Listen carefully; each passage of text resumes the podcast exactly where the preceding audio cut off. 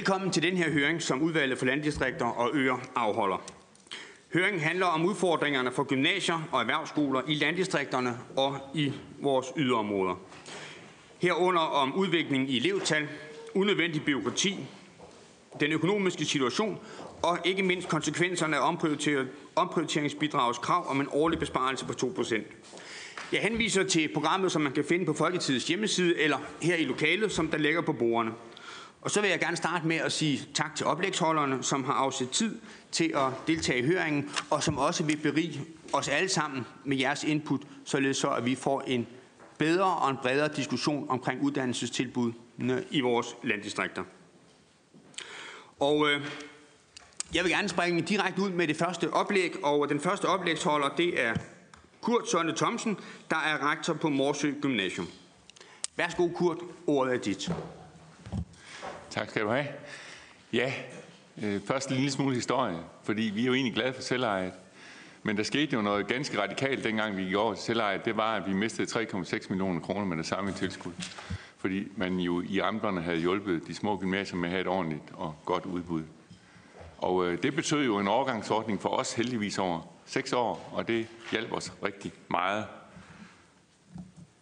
Men hvis man nu ser øh, vores regnskabstal, øh, og det er selvfølgelig en lille smule småt, jeg håber, I kan, I kan læse det, så kan I se, at øh, fra 2007 til 2012, ja, der havde vi kun overskud, fordi vi fik de ekstra penge. Det var altså ikke nogen guldgruppe at, dyrke, øh, at drive gymnasium. Og så havde vi endelig i 2013 fået tilpasset os, så vi havde et mindre overskud på 400.000. Det fastholdt vi i 14 og 15, og så de sidste år her. 16-17 har det været et 0, og i år håber vi også på, at det bliver et 0. Men det er blevet sværere, netop fordi der er 600.000 om året, vi skal spare på grund af omprioriteringsbidraget, og så har vi faldende elevtal. Det er selvfølgelig også en del af det. Det er sværere at drive en, en lille skole, og det er dyrere.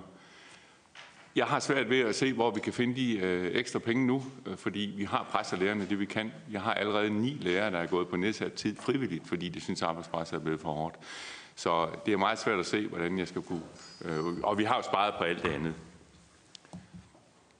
Frekvensen er så det andet problem, vi har. Øh, der bliver jo talt meget om, at der går for mange i gymnasiet. Og det kan da godt ske, at det gør det nogle steder, men det gør der i hvert fald ikke på Mors. Hvis man kigger på øh, vores tal, det er de 18-årige, det er typisk dem, der går i 2G, det er for at få et meget, meget rent tal, jeg har gjort det her.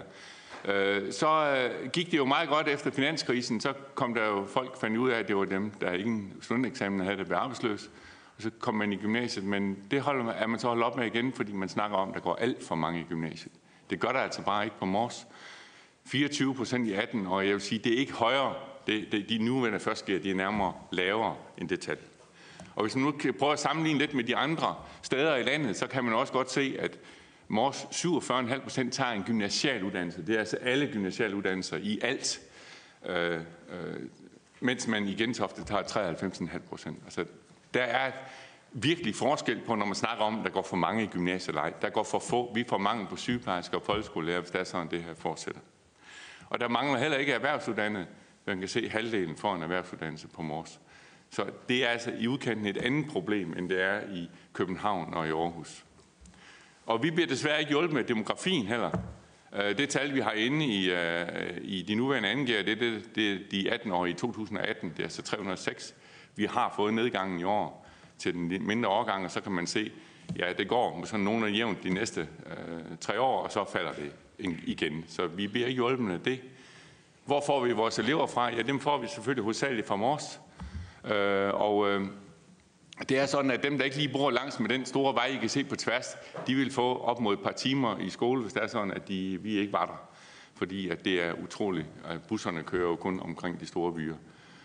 De andre elever, vi har, det er typisk, vi har to specialtilbud, grammatiktilbud, og så har vi noget sportskollege, det kommer ind på senere. De kommer lidt længere væk fra. Vi er meget, meget centrale. Altså, når, når der sker nyheder for os, så er det i pressen. Overskrifter med det samme. Desværre er det flest dårlige nyheder, vi har haft der på det sidste. Søgetal kom, vi er nødt til at fyre igen. Jeg har fyret ni i, i løbet af de sidste to år. Så kommer besparelsesdebatten lidt senere, så står der, Mors Gymnasium dør besparelser. Det er for så vidt ikke helt forkert, men på den anden side er det også et rigtig, rigtig træls budskab at, at se i, øh, i, øh, i avisen, fordi så tror folk ikke, vi er der næste år. Og det håber jeg godt nok, vi er. Og øh, vi må så gå til tale og sige, at man, vi er nødt til at råbe op, siger vores formand, men øh, eleverne siger, at vi er jo rigtig stærke og så videre, vi skal. Hvad gør vi så? Vi gør alt, synes vi, vi kan. Øh, vi har øh, sportselever, det er håndbold, fodbold, gymnastik og badminton. Og specielt håndboldelever trækker vi til udefra. Det skyldes selvfølgelig, at vi har et ligahold på Mors. Øh, det gør vi sammen med erhvervsskole, altså handelsskole øh, og en folkeskole, så det er et fælles projekt for at trække øh, elever til. Det giver ikke så mange, men det giver dog lidt. Så har vi Dramatik A, som det eneste gymnasium i øh, Danmark, øh, vest for Storebælt, der har givet tilladelse til at Sankt Anne også har fået det, men det er os, der har udviklet det. Vi startede i 2003 øh, og har kæmpet for det siden. Det betyder, at vi har folk, der kommer udefra og bor her. Og det er jo sådan med til at gøre elevtallet lidt højere, end det ellers ville have været. Det er en, en, en hård øh, vej, kan man sige. Og det betyder så også, at vi er nødt til at servicere øh, det der kollegium med en social visværd. Så har vi svævesøgning, flyvningstilbud for fysik A-elever, og vi er ved at, at etablere et naturvidenskabscenter for støttet af regionen, som vi, kan, som vi laver sammen med en folkeskole for at skabe ekstra interesse omkring øh, naturfag. Så prøver vi på at invitere alle ind i huset, gøre os åbne, så åbne som muligt, og fortælle os, hvad er det, man kan, når man kommer til et gymnasium, hvad er det specielt, man kan, når man kommer til Morse Gymnasium, og vi har rigtig mange, der tager imod det her tilbud. Så jeg mener også, at vi er kendte. Og vi deltager aktivt, meget lokalt aktivt kulturmøde. Der er et af eksemplerne, vi havde var med i 13 arrangementer ved kulturmødet og bruger det simpelthen som en undervisningsting, men også som et sted til at profilere øh, området og give vores elever en... Jeg siger, øh, at kultur er jo en del af både deres dannelse og deres uddannelse. Og øh, vi er, er i et område med en, øh, hvor der bliver udviklet noget øh, sports- og kulturpark, og det er under opbygning. Og I kan se, den store bygning, det er lige, hvor vores lokale egensatter, der bygger derop. Øh, halvdelen af midlerne kommer fra Mærsk-fonden, altså det, de bygger for 30 millioner, og det er vores samarbejdspartner. Så konklusionen. Gymnasium, det betyder liv. Vi er kulturbærere, og vi er simpelthen nødvendige for bosætning. Hvis der ikke er et gymnasium på Mors, så vælger dem, der skal arbejde på Mors, at flytte til en anden by, og så ah, pendle ind. Det er sådan, det sker. Vi er også nødt til det, for ikke at få et skævt uddannelsesmæssigt Danmark. Fordi mange af de der, der er nogle af de øh, elever, der godt kunne flytte til et andet sted, men der vil være en restgruppe, der overhovedet ikke har nogen som helst mulighed for at flytte til et andet sted. Og de vil så droppe ud øh, og ikke få øh, en uddannelse. Og vi kan godt lave godt tilbud. Det synes jeg, vi har bevist, vi kan. Vi har også været små før. Men det er altså desværre lidt dyrere, når vi er små. Det var det, jeg havde at sige. Ja, tusind tak for det. Øh, og tak for at føre os ind i, at øh, det at være rektor på et, øh, et gymnasium ude i landdistrikterne, så skal man være noget af en blæksprut, og der skal holdes mange bolde i luften. Det næste, som jeg gerne vil give ordet, det er Ib Brygner Christiansen, som er fra Vordingborg Gymnasium og HF. Værsgo, Ib. tak skal du have. Lige ganske kort, øh, vi deler vilkår med Morsø på mange måder, så jeg kan gå let hen over noget af det, som Kurt Heilerød har sagt. Men lige lidt om vores størrelse, 650 elever, 60 lærere, vi har været 65 tidligere. Vi har Danmarks største opland, ikke fordi vi er kæmpe store i forhold til andre, men øh, Vordingborg Kommune er meget stor. Vi dækker hele Sydsjælland plus Møn. Vi dækker også en del af Nordfalster. Øh, og de områder i Danmark, der har den samme, der samme volumen, samme omfang, de har flere gymnasier. Vi har elever, som har meget langt øh, transporttid. Jeg skriver 40 procent, de har et buskort som bevilget, fordi de bor forholdsvis langt væk. 20 procent af dem bruger to timer hver dag på at komme i skole. En del af dem skal også cykle en 3-4 km for at komme til den nærmeste bus. Og så har vi jo forholdsvis mange, der er øh, socialt udfordret, altså få familier, der har en uddannelsesmæssig baggrund. Og det vil sige, der er jo en en, en klar sammenhæng mellem de sociale vilkår, man kommer fra, og så den uddannelse, man får. Det har Jørgen Erik Hansen for endnu en gang øh, lige sidste år kunne dokumentere på mange måder. Vi har en meget høj arbejdsløshed, ungdomsarbejdsløshed. Jeg har ikke de sidste tal, det var jeg ikke fået af socialchefen endnu. Flertallet er drenge, og det vender jeg tilbage til. Øh, buslinjerne er truet af nedlægning. Man vil nedlægge en bus der ville umuliggøre elever fra Nordfalster at komme til Vordingborg, og ville halvere busdriften øh, mellem Møn og Vordingborg. Øhm, og det øh, ligger i regionen lige nu, og det slås vi en del med for at forhindre, at det bliver nedlagt. For det betyder, at eleverne fra endnu kan have op til 14 dage, 14 timer fra de tager hjemmefra om morgenen, til de kommer hjem, og så skal de jo gerne forberede sig til næste dag. Øh, jeg tror, at de synes, det er vigtigt hos os, at der er flere, der får en gymnasial uddannelse. Øh, og jeg har altid synes, det var min personlige ambition at prøve at udligne den sociale forskel, der er mellem et område som Sydsjælland og et område som København og Roskilde-området for eksempel. Det er meget nemmere at være ung i de store byer. Man har kortere øh, adgang til øh, gymnasierne, og man er øh, gennemgående større chancer for at gennemføre. Man har ikke de hørtler at slås med, som man har øh, på et Øh, et område som os. Og jeg synes, det er en stor øh, tilfredsstillelse at kunne konstatere, at man kan få eleverne til at gennemføre deres øh, forløb og få en rimelig eksamen, selvom de kommer med nogle betingelser, der betyder, at de efter adgangskraven i 2019 ikke vil komme i gymnasiet. Der er 10 procent af dem, der er kommet ind i år. Der var 20 procent for et par år siden, der ikke ville have kommet ind, hvis det var 2019, og ikke desto mindre har de gennemført, og det er, der er ikke noget, dem der falder fra, der er ikke noget mønster i, at det er de, øh, dem, der kommer med de dårligste forudsætninger, der falder fra først. Jeg synes, øh, adgangskravene ligger op til en social uretfærdighed, der bare skævvrider Danmark mere og mere. Der er flere, der taler om, at uligheden stiger, og det vil det her være med til at stimulere. Jeg er helt enig i, at der skal være flere i erhvervsuddannelser, men det skal ikke være på bekostning af gymnasier, som Kurt sagde. I et område som vores er søgefrekvensen lav i forvejen. Og så har jeg lige tilføjet, hvordan vores elever kommer videre, med, og det kan vi jo tage op, for det, ellers så bruger jeg mere end 8 minutter. Søgefrekvensen i Sydsjælland efter 9. klasse, der er der 22, der kommer i gymnasiet. Så er der altså en del, der går i 10. klasse, der er en del, der går på efterskole. Men og indtil i år, vi, vi lavede et spring på 3%, for ellers i 17 og 16 og 15 har der været 19% fra 9. klasse. Ekstremt lavt. Folkeskolerne i Vordingborg klarer sig ikke strålende. De ligger på nummer 95 ud af 98 kommuner. Øh, men alligevel, så dem, der vi får ind, kan vi løfte fra de vilkår, de kommer fra. Og jeg synes, det er synd, de skal lide permanent under, at de har nogle dårlige forudsætninger. Og når vi er i stand til at få dem til at gennemføre, hvorfor skal man så bremse det i 2019? Der laves parathedsvurderinger fra 8. klasse, det gælder over hele landet. Det favoriserer piger. Jeg ved ikke, hvor mange drenge i 8. klasse i den alder, som, er, som tænker på deres målrettet på deres fremtid. Jeg gjorde ikke det, jeg gik i 8. klasse i hvert fald. Og jeg var ikke kommet i gymnasiet, hvis vi havde de vilkår, som vi får i dag. 66 procent af eleverne i, hos os er piger. Det er klart, de er modnes tidligere, og de kom, klarer sig bedre, og de drenge, øh, der kunne komme, de modnes kolossalt meget, når de kommer i første G og fra første G til anden G. Der sker ekstremt meget med drengen, men det gør der altså ikke mellem 8. og 9. klasse. Og hvis de en gang i 8. klasse har fået at vide, det er de ikke egnet til, så øh, sætter det sig i hvert fald hos familien. Du, min dreng, du skal sgu ikke i gymnasiet. Hvad skal du der? Altså, du har bare set din parathedsvurdering. Det er en skævvridning af Danmark, og det er voksenulighed. Så er der, hvad vi gør. Øh, vi har fået en, en ekstremt populær position i, øh, i øh, øh, vores lokale område. Øh, jeg remser en del op der, som jeg vender tilbage til, for alt det, vi foretager os i den her retning for at motivere eleverne, for at løfte dem, det er det, der er truet af de kommende besparelser.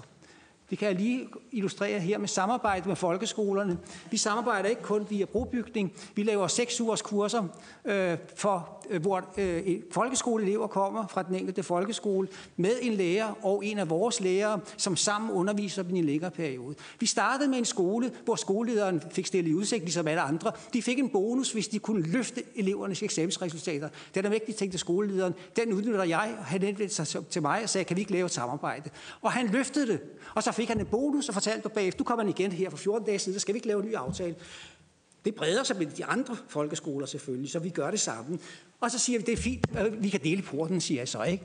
Øh, fordi så har du fået en bonus, og så siger han, det gør vi jo, fordi du får flere i gymnasiet, ikke? Han er også en fræk slamper, der er mine tidligere elever i øvrigt, så jeg har selv undervist ham. Vi samarbejder med, med vi samarbejder med Akademisk Skrivecenter på Københavns Universitet, øh, i en længere periode, som for eksempel læste, øh, jeg satte hende til at læse nogle studieretningsprojekter, og hun sagde, de krav, der bliver stillet i, i, i studieretningsprojekterne i 3.G, de er altså det, noget, der ligner bachelor, og bachelorstuderende har meget svært ved at leve op til de krav, som I stiller øh, i 3.G til studieretningsprojektet. Det er mere for at illustrere, at niveauet er ikke lavere, end det var for 50 år siden, som ministeren siger. Det er markant højere. Jeg begyndte selv at undervise for mere end 50 år siden i gymnasiet. Og ikke fordi jeg gjorde det strålende, synes jeg, men de krav, der blev stillet til eleverne dengang, det var jo bare at gentage det, jeg havde sagt, og gå til eksamen i det. Der var ikke nogen selvstændighed i det. Der var ikke noget selvstændigt arbejde i det. Det vi ellers gør, det er, at vi har lavet en partnerskabsaftale med Vordingborg Kommune, øh, så vi kan sende vores elever, der er interesseret i praktik på kommunale institutioner, lige fra børnehave og op efter, og samarbejde med forvaltningerne. Og det, det har vi så øh, begge parter skrevet under på. Jeg har lavet en tilsvarende aftale med de offentlige virksomheder via Vordingborg Erhvervsforening, øh, som, hvor vi, vores elever kan komme på kortvarig praktik, to, tre, fire dage på forskellige virksomheder, der beskæftiger akademisk arbejdskraft. Altså på et eller andet rimelig højt niveau. Der er faktisk mange virksomheder i, i Sydsjælland, som beskæftiger nogen. Det, er, det er der mange, der er blinde for. Men der, det er jo et forsøg på ikke bare at åbne øjnene på vores elever, men også for at få dem til at vende tilbage til Vordingborg, Sydsjælland, når de er færdige med deres uddannelse. For ellers rejser de jo væk. Altså, jeg er jo kendt for at jage folk ud af byen. For alle de studenter, flertallet, de rejser andre steder hen for at tage en videregående uddannelse, og få kommer tilbage. Det er begyndt at vende. For eksempel har jeg fire lærere, der er tidligere elever på skolen. Så de vender jo så i hvert fald tilbage. Og så er der nogle af de der øh, øh, arrangementer, vi laver med talentudvikling osv. Det vil jeg ikke gå nærmere ind på, men bare sige, når jeg skal spare en million til i 20, og det er det, vi sparer om året, så vil jeg sige, at alt det, vi foretager udadvendt, hvis jeg skal sådan lave hurtigt omsætte det til arbejdskraft, og der er jo mange lærere, der er involveret, det, det har en værdi af to års værk. Hvis jeg sparede på alt det, jeg laver nu, og som jeg har lavet de sidste fem år, så tjener jeg to årsværk ved en million. Og det vil sige, så kommer jeg igennem øh, spareplanen i 20 i hvert fald. Men det vil sige, og så kan jeg undgå at lave afskedelse, jeg kan undgå at belaste lærerne alt for meget mere, men jeg kan spare alt det væk. Men jeg skærer udviklingen væk, og jeg skærer den udvendte virksomhed væk. Eller også skal jeg fyre lærere. Det er valget, jeg har. Og det skal jeg ikke lige så stilling til her nu. Vi har internationalt samarbejde, som, hvor vi kan sende vores elever rundt i verden. En gruppe har været i Tokyo for at øh, fremlægge et projekt. De arbejder med et år. Water is Life hedder projektet. Og så videre med Kina, Indien, USA, og så har vi et nordisk samarbejde med musik. Musik spiller en stor rolle hos os. Vi har en høj lokal prestige.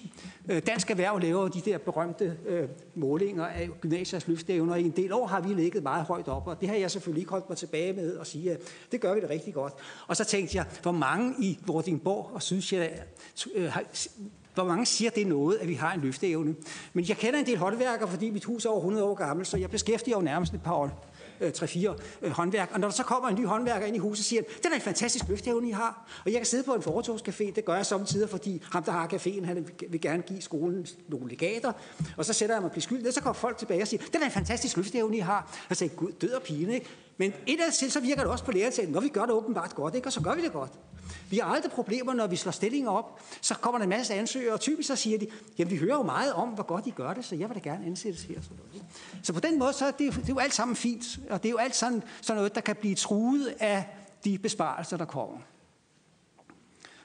Øh, jeg gør, vi gør en del for at gøre os kendt i lokalområdet. For eksempel laver personaleture hvert år, sådan, så nyansatte læger de oplever, hvad det er, Altså min første oplevelse, da jeg flyttede til Vordingborg, det var, at jeg mødte en kollega, øh, sad og snakkede med hende i det første frikvarter, og sagde, hvor bor du? Jeg bor i Kastrup, sagde hun så.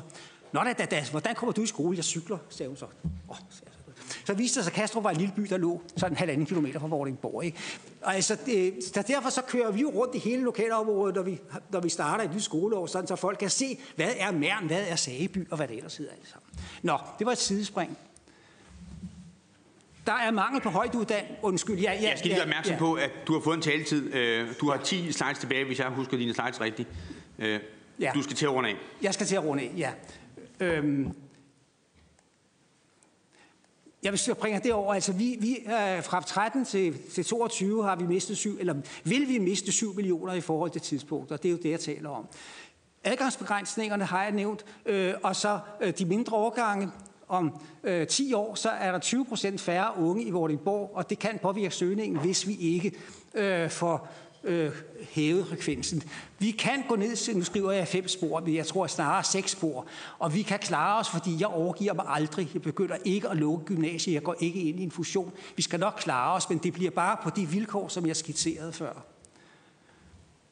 Og ja, vi øh, kommer nok, vi kommer ikke ud i, ud i underskud umiddelbart. Vi gør det måske heller ikke i 19, hvis jeg er heldig, og hvis folk ikke bliver syge, og vi skal have vikarer og sådan noget. Og så øh, og, Ja, så vil jeg bare sige, det, det vi har mulighederne for, det er, at vi skal intensivere arbejdet for, for lærerne. De skal undervise mere, de skal være mere sammen med eleverne. Og så er jeg nødt til at lave ansættelsestop, naturligvis. Ja, det var det. Tak, fordi jeg måtte overskride. Ja, tusind tak for det. Øh, nu bliver der gået lidt hurtigt over nogle slides her til sidst. Jeg skal lige sige, at øh, slidesene selvfølgelig også ligger på Folketingets, hjem, på Folketingets hjemmeside efterfølgende, så det så, at man kan gå ind og finde de nødvendige informationer. Tak for det, Ib. Det jeg skal gerne give ordet til, det er Birgitte Vedersø, som kommer som er formand hos Danske Gymnasier. Værsgo, Birgitte.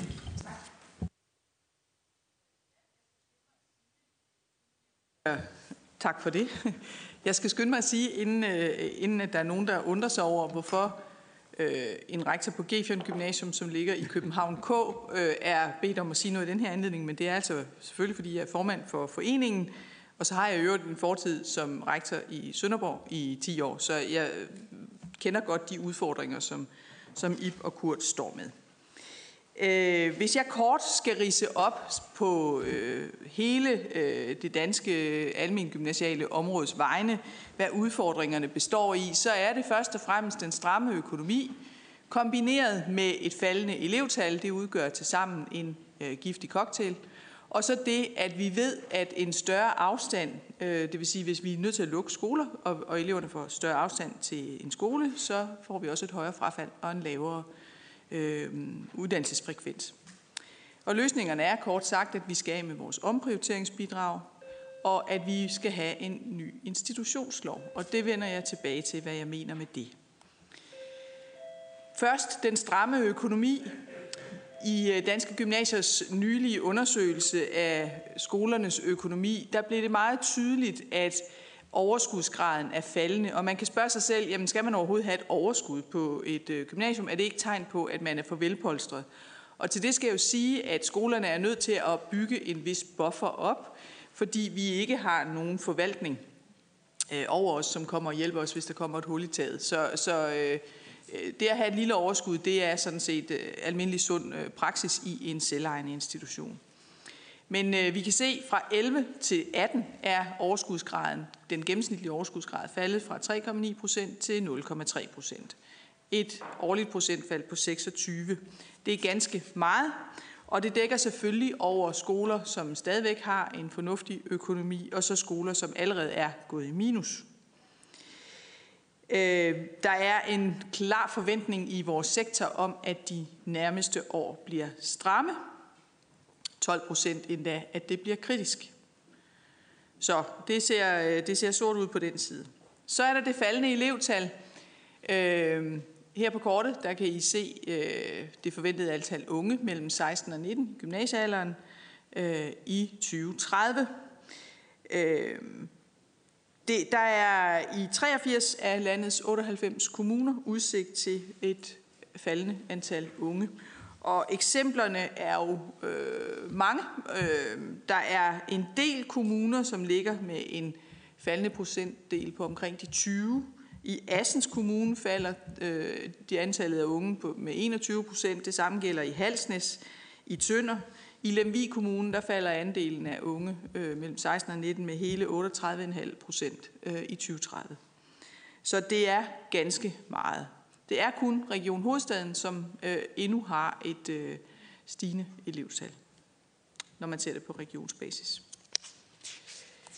Øh, det her med den større afstand, hvis øh, skolerne øh, ikke er tilgængelige i nærområdet, det, det kan man se igennem en øh, undersøgelse, som Danske Regioner har lavet i 2015, øh, hvor det fremgår, at øh, hvis afstanden i kilometer øh, er øh, lav, så er gennemførselen høj og omvendt. Vi kan se, når vi kommer helt op på en, øh, et kilometertal, øh, som, som ligger højt, og en, en transportafstand, som kommer op over den halve time, så falder gennemførselsgraden simpelthen.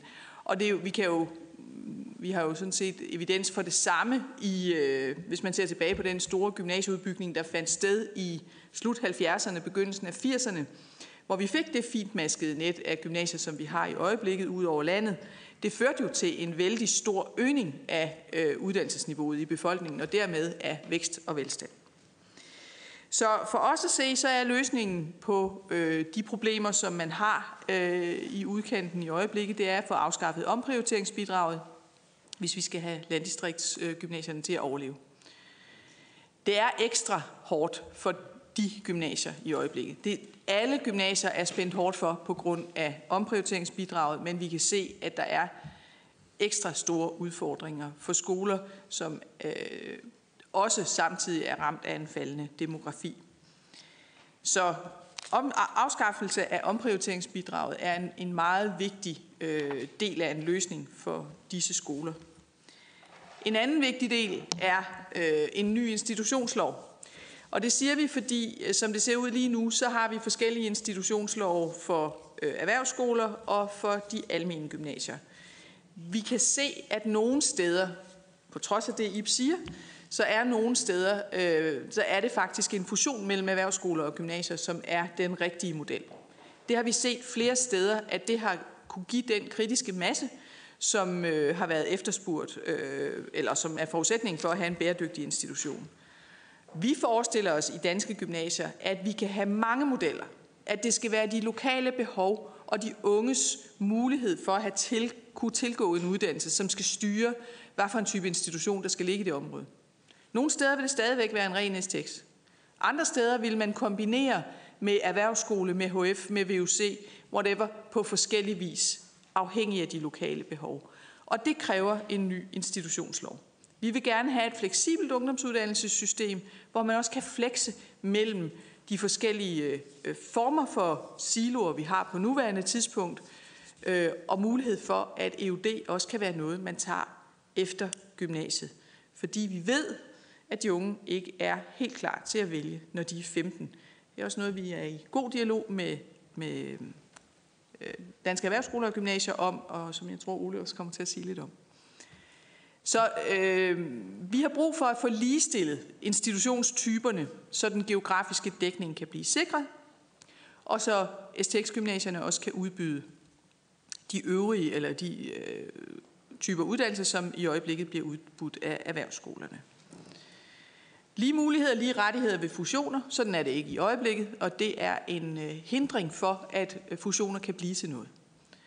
Og så går vi også meget ind for, at der skal være en øvre grænse for størrelsen af en institution, fordi vi ved, at noget af det, som, som øh, de små gymnasier kan, og i det hele taget de almindelige gymnasier kan, det er, at øh, de unge føler sig knyttet til stedet, at det, der er en, et tilhørsforhold og en fællesskabsfølelse på stedet, ud over den rolle, som skolen spiller i lokalsamfundet, som jeg er helt enig med, med Kurt og Ibi, at, at det er, er rigtig vigtigt.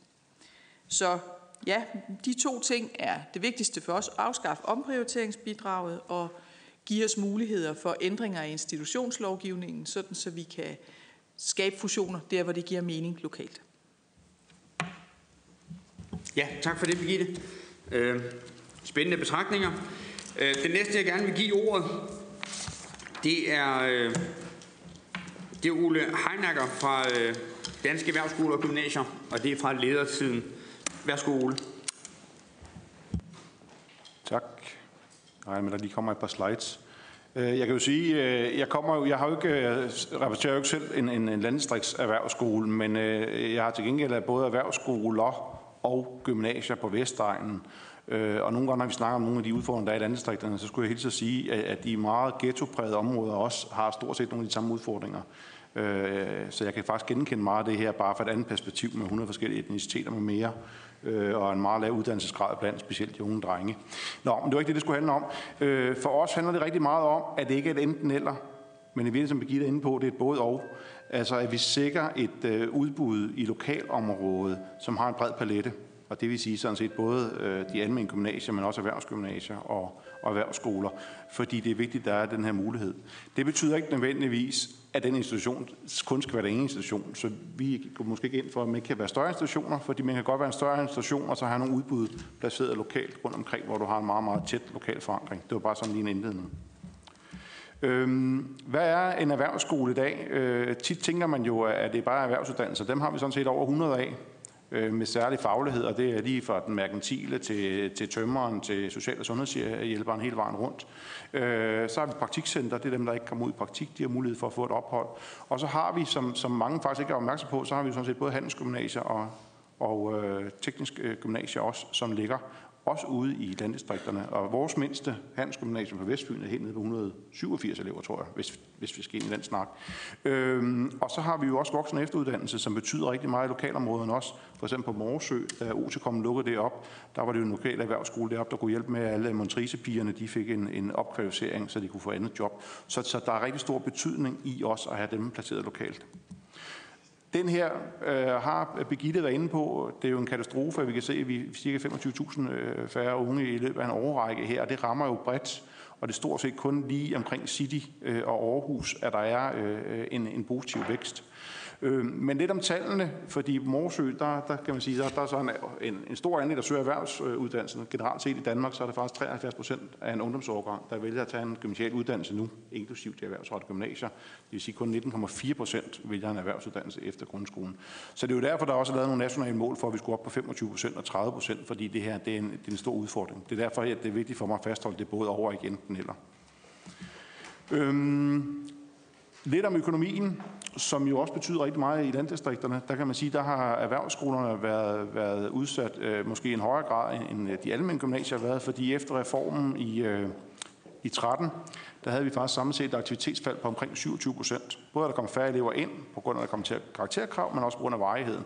Det vil sige, at vi tog et ordentligt skrald, hvor vi allerede for fire år siden har afskedet rigtig mange, alle sammen med os. Sidenhen er der omprioriteringsbidraget kommet til. Og som jeg også har sagt i pressen her for nylig, så omprioriteringsbidraget bare, jo ikke bare 2%, fordi du kan kun spare på lærer og materialer, så det går ud over eleverne, fordi du kan ikke lige komme af med din bygning eller sælge din isenkram og så videre, så det rammer normalt med 10% på kerndriften, som vi plejer lige at sige. Øh, så samlet set, så har øh, optaget på erhvervsskolen, de har det rigtig skidt, og de har det særligt skidt i landdistrikterne, hvor de så også demografien rammer ind i, kan man sige. Vi har så gjort det i højere grad, at vi har valgt at fusionere, øh, også med almindelige gymnasier. Det er også derfor, jeg selv har et almindeligt gymnasium, fordi så kan man lave lokalt et udbud, jeg kalder det byskolemodellen, hvor du i virkeligheden har de tre erhvervsrettede gymnasier, HF, og så en, en palette af erhvervsuddannelser. Øh, for at drive erhvervsuddannelser skal der også være en vis volumen, fordi uanset om du er to tømmer eller 100 tømmer, så skal du stadig have tømmerværksted, en frisørsalon osv. Så, videre. så der er altså nogle udfordringer i, i, i det med, med det der udbud spredt rigtig langt ud, medmindre du har noget volumen i forhold til det. Så er det også vigtigt i forhold til landdistriktsudviklingen, det er, at vi har en meget varieret øh, erhvervsudvikling i øh, Danmark. Øh, der er stor forskel på, i København der er det hotel- og restaurationsbranchen, der mangler lige nu og byggeri. Hvis du går til Nordjylland, så er det mere industrien etc. Så det der med at have lokalt forankret også erhvervsudvikling koblet sammen med, med, med erhvervsuddannelserne er ret vigtigt, ser jeg som et, øh, et vigtigt element i den her del også. Det her det er bare for at sige, hvordan øh, den, den udvikler sig i øjeblikket. Og alle skriger jo på faglært arbejdskraft, som det ser ud i, i øjeblikket også. Øh, og gerne faglært arbejdskraft også, der kan læse videre bagefter, så man har den her brede palette med noget praktisk erfaring også. Skal jeg se, om det er så er der en anden ting, vi ikke rigtig har været inde på, men, men jeg tror, det er vigtigt at adressere her også, det er, at, at nu har vi snakket så meget institutioner, om det enten er gymnasie eller erhvervsskoler, men jeg tror også, vi skal være opmærksom på, at vi ser ind i en fremtid lige nu, hvor der sker rigtig mange ting. Vi snakker meget i Folketinget om disruption og så videre. Vi kan jo se, øh, jeg har lige taget lidt med fra McKinsey-rapporten her, at der er rigtig mange af de jobs, vi kender i dag, dem kender vi ikke om fem år. Så det vil sige, der hvor vi skal stå sammen, og både gymnasier og erhvervsskoler, det er virkelig at finde ud af, hvad er det for nogle mere bredere generiske kompetencer i virkeligheden, som vi skal udstyre vores unge mennesker på. Øh, og det vender jeg lige tilbage til om lidt. Men, men, men der sker helt klart en, en, øh, en bevægelse, hvor vi har brug for, for nogle andre kompetencer, og måske nogle bredere generiske kompetencer på tværs af det gymnasiale og det erhvervsrettede element. Øhm, hvad kan vi gøre på kort sigt? Vi håber jo, at I kommer med et bredt forlig på hele EUD-udspillet, der er lige nu. Særligt det, der hedder GF+, så også dem over 18 år, også i landdistrikterne, får mulighed for lidt mere skoleophold. Øh, at vi øh, får øh, flere penge, øh, og det er sådan set både gymnasierne og erhvervsskolerne, altså omprioriteringsbidraget, det bliver stoppet. Øh, og vi snakker øh, nye penge, når vi snakker UD-udspillet, og ikke nogen, øh, hvor vi får lov til at spise vores egen hale. Og så som også Birgitte var inde på, lighed og gennemskuelighed i taxameterne. Der er simpelthen forskel i taxameterne, også mellem erhvervsskoler og gymnasier ude i landdistrikterne. Udkantstilskud øh, er forskelligt. Øh, der er i forhold til, hvad for nogle fag man udbyder, så får erhvervsskolegymnasierne faktisk mindre taxameter end næste. Så der er simpelthen brug for et, et taxameter eftersyn. Og så er vi helt enige om, at øh, vi skal også se på en ny institutionslov. Lige nu er der nogle barriere for, at det er rigtig svært at fusionere, både med bestyrelsessammensætning i forhold til, øh, om man er fordelingsudvalg, øh, hvordan man øh, grundtilskud øh, bortfalder efter fire år, for eksempel, øh, for den skole, man studerer. Så man fusionerer for at spare nogle penge og kunne lave mere drift, og så den besparelse bliver så et efter fire år. Det giver ikke rigtig nogen mening, hvis man gerne vil sikre lokalt udbud. Og så vil vi rigtig gerne arbejde for nogle grundforløb, der kan føre til flere hovedforløb, sådan så vi har mulighed for at lave det her udbud også bredt øh, ud rundt omkring, kan man sige. Ja. Det aller sidste, jeg lige vil sige her, det er, at, at hvis vi så ser lidt længere frem, så vil vi faktisk også gerne række øh, arm ud for, for danske erhvervsskoler og gymnasier. Så vi har faktisk nok brug for måske grundtænke, eller øh, omtænke hele vores grundstruktur i ungdomsuddannelsessystemet i løbet af et par år. Også set i lyset af, hvad der sker ude i landdistrikterne og den demografiske udvikling. Og i virkeligheden sige, at vi har brug for et ungdomsuddannelsesudbud med én indgang, hvor man så i højere grad kan flekse mellem, om det er de erhvervsrettede kompetencer, man udvikler, eller de gymnasialrettede, eller hvad vej man vil. Man har mulighed for at flex og en bevægelighed, tæt samarbejde med grundskolen. Det er en forenkling og en ligestilling, og så i virkeligheden, at vi hele tiden kan begynde at fylde på, fordi jeg tror, det vigtigste fremadrettet, det bliver evnen til at lære, og ikke kun til at, at, at, at lære at læse videre, eller komme ud og få et arbejde. Så, så den her evne er rigtig vigtig. Så der tror jeg, jeg ser i virkeligheden på sigt, at, at der ikke er noget, der hedder almindelig gymnasier, noget, der hedder erhvervsskoler eller erhvervsgymnasier, men der har vi en ny ungdomsuddannelse, som kan ligge også i landdistrikterne og så rumme alle de unge, der er der, og i forhold til deres talenter og potentiale. Yes. Tusind tak. Øh, jeg bliver nok godt lige tvunget til lige at, at komme med en indskudt bemærkning her. Øh, det her, det er udvalget for landdistrikter og øer. Vi er uden tvivl, uden tvivl Folketingets mest vigtige udvalg. Øh, men det betyder også, at øh, vi måske er meget fokuseret på, på landdistrikterne. Nogle af de ting, som både du, Ole, og som Begitte kommer ind med her, der kan det godt være, at hverken jeg eller mine øh, udvalgsmedlemmer har den nødvendige viden til at kunne stille de uddybende spørgsmål. Men vi tager dem selvfølgelig med, med videre til øh, undervisningsudvalget, hvor det her retligt hjemmehører, og så stiller vi spørgsmål der. Øh, fordi jeg tror ikke, at vi alle sammen er helt skarpe på institutionslovgivningen. Men jeg tror også, at jeg taler på alles vegne, når jeg siger, at det er spændende tanker, og det er noget, som vi øh, nok skulle have give lige en ekstra tanke for at, at sikre, at vi har uddannelsestilbud hele vejen rundt i vores øh, landdistrikter. Så har Annette Lind øh, bedt om en uddybende spørgsmål, og Annette, jeg bliver tvunget til at sige, at det her det er ikke en diskussion, det er et uddybende spørgsmål, og så tager vi spørgsmålene til debat efterfølgende. Værsgo, Annette. Tak for det. Nu er jeg jo undervisningsordfører, så jeg er jo godt inde i de her sager, så, så, så jeg har et spørgsmål om, øh, om taxameteret. Vi har jo foreslået i, i Socialdemokratiet, at man laver et knæktaxameter, så man, øh, vi tror på, at man skal lave en, en ny reform på taxameterområdet, at øh, man ikke bare skal lave en justering, men at man skal kigge på det sådan helt generelt. Og vi har foreslået det her med en knækmodel, sådan at man har et større grundtilskud og færre øh, tilskudskroner per elev. Hvordan ser I det for at sikre, at, øh, at undervisnings hvad skal man, udbuddet i landdistrikterne bliver ved med at kunne udbyde en lang række af uddannelser, sådan at øh, man får et lige i Danmark? Og der bryder formanden lige igen. Fantastisk godt spørgsmål. Øh, men det er et diskussionsspørgsmål, det er ikke et opklarende spørgsmål. Så det venter vi med, Annette. Øh, hold fast på det, skriv det ned, og så tager vi det efterfølgende i, i debatten. Øh, jeps. Den sidste, jeg gerne vil give ordet, det er Steffen Damsgaard, som er øh, formand for øh, Landdistrikternes Fællesråd. Og Steffen er udover at være formand der, så er han også en af det her udvalgs meget vigtige øh, samarbejdspartnere. Øh, så velkommen til dig, Steffen. Vi glæder os til at høre, hvad du har at sige. Ja, tusind tak. Øh, tusind tak for invitationen her til høringen. Jeg synes, det er rigtig godt, at udvalget for landdistrikter og øer tager, tager det her emne op, for det er særdeles vigtigt. Og øh, det kan godt være, at jeg kommer til at overlappe lidt med nogle af de forrige indlægsholder, men det viser måske bare, at, øh, at øh, vi er inde på nogle af de samme ting, som vi ser som, som udfordringer. Øhm, man kan jo sige, at ungdomsuddannelsesinstitutioner, øh, for lige at riste det op, har en afgørende betydning, som, som vi ser det. Og øh, det baserer vi øh, på flere ting. Altså, det er, når vi taler bosætning og lokal arbejdsmarked. Øhm, en forudsætning for bosætning, især i land- og yderkommunerne, det er der øh, forskellige erfaringer med, at det har en, øh, en stor øh, effekt, og der er lavet nogle mere sådan lokale, regionale analyser på, på den del. Men Vi kan også se, at hvis, hvis ikke der er udbud af ungdomsuddannelser i nogle af de her byer, provinsbyer rundt omkring, så kan vi jo frygte, at det vil være endnu sværere øh, og øh, rekruttere medarbejdere og sikre øh, andelen af erhvervsaktive i nogle af, af de her kommuner, nogle af de her områder, og, og få de unge til at, at rykke tilbage igen.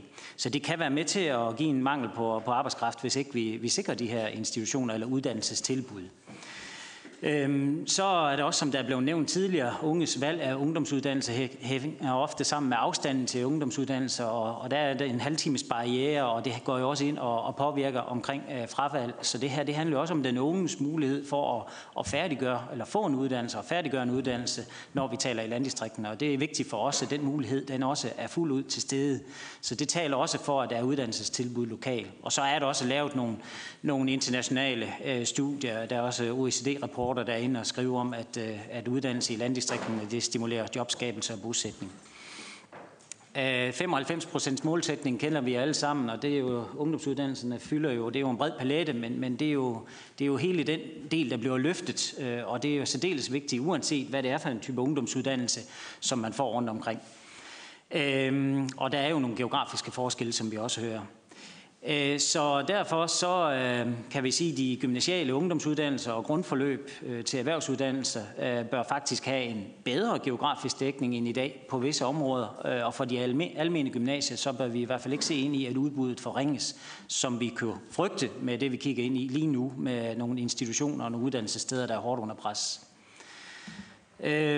En udfordring, den første omkring økonomien, øh, og herunder også øh, omprioriteringsbidraget, øh, jamen øh, det ser vi jo, at det er, presser øh, uddannelsesinstitutionerne rigtig, rigtig hårdt. Øh, man kan jo sige, at det, det rammer på samme måde, men det gør de alligevel ikke, eller de rammer i hvert fald ikke lige hårdt øh, alle steder.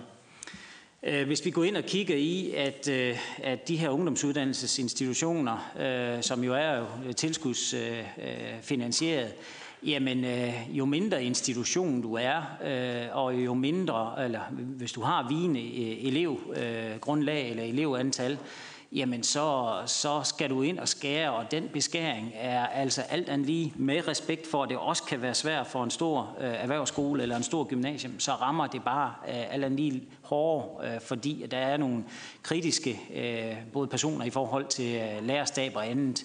Så, så derfor øh, så, så rammes der, så rammes der øh, uhensigtsmæssigt hårdt. Og hvad kan man gøre ved det?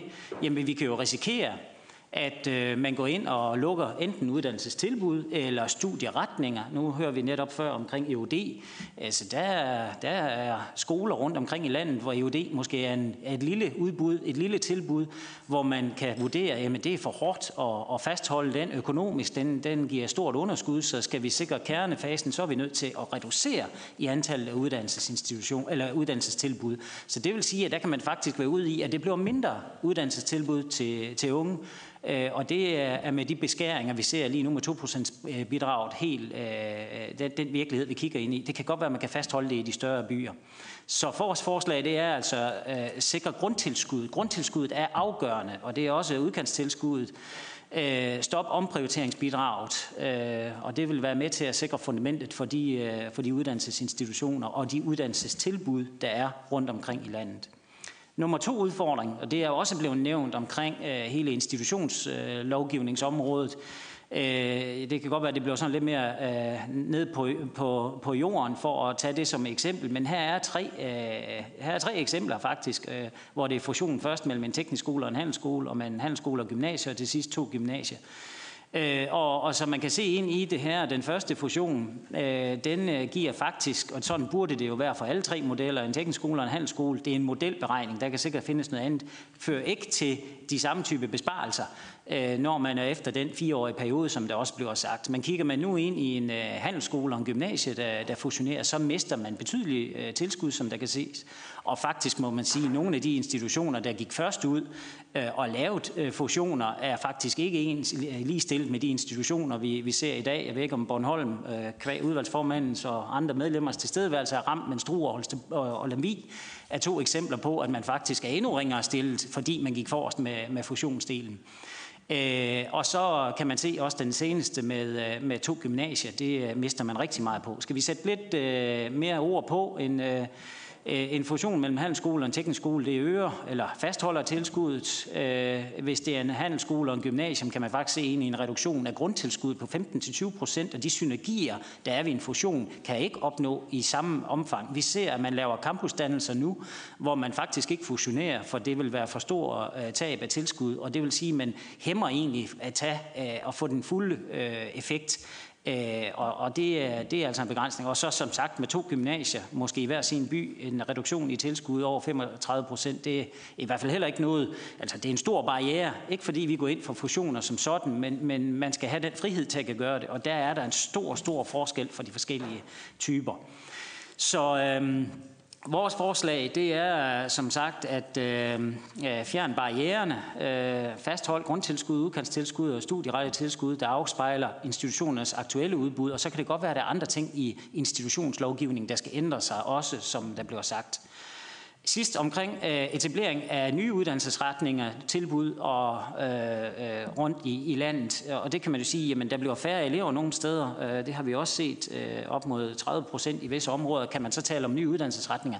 Det kan faktisk godt give god mening, at man er ude at etablere uddannelsestilbud, uddannelsesretninger, som er målrettet erhvervslivet eller et lokalt behov. Så derfor så er det altså også vigtigt, at øh, vi prøver at øh, kigge ind i, øh, i de regler, der er. Altså, der er nogle regler, som begrænser, om hvis man går ind og kigger i, hvem der har fået lov til at udbyde nye uddannelser, så er der ansøgninger, der får afslag. Man taler om kritisk masse eller øgede udgifter i form af, af længere studietid, SU. Øh, så det vi godt kunne, øh, kunne tænke os, det er i stedet for, at man giver afslag på nogle nye uddannelser og dermed øh, begrænser unges uddannelsesmuligheder, at man så går ind og, øh, og, og, og måske en særbehandling, positiv særbehandling, især for lande yderområderne eller lande yderkommuner, hvor institutioner er beliggende, øh, ved etablering af nye uddannelsesretninger og uddannelsestilbud i, i de områder, og øh, at beslutningskompetencen øh, bør i stigende grad være lokal. Det vil altså sige, hvis man har en uddannelsesinstitution, der vil forlægge uddannelse til en anden by, og den øh, institution, det skal lægges ved, er enige om, at det her det giver god mening, at man så også ser positivt på, også om det skulle koste lidt ekstra i SU, eller man tvivler lidt på kritisk masse i starten, øh, og give, det, øh, give den mulighed. Så det er i hvert fald også vigtigt for os at, at få med. Så det var lige øh, hovedbudskaberne øh, i en speed gennemgang. Jeg skal jo passe på tiden, som udvalgsformanden har sagt, så tak for ordet. Tak for det, øh, Steffen. Jeps, det var øh, fem rigtig gode og indholdsrige oplæg. Og når man er blevet læsset så meget på med så meget information på så kort tid, så har man lige behov for lige at strække benene. Og det gør vi så nu. Øh, vi holder en lille pause indtil 5 minutter i halv, det vil sige 7,5 minutter. Fordi som tidligere skolelærer, så ved jeg også, at jo længere pauserne er, jo større er chancerne for, at folk de falder fra.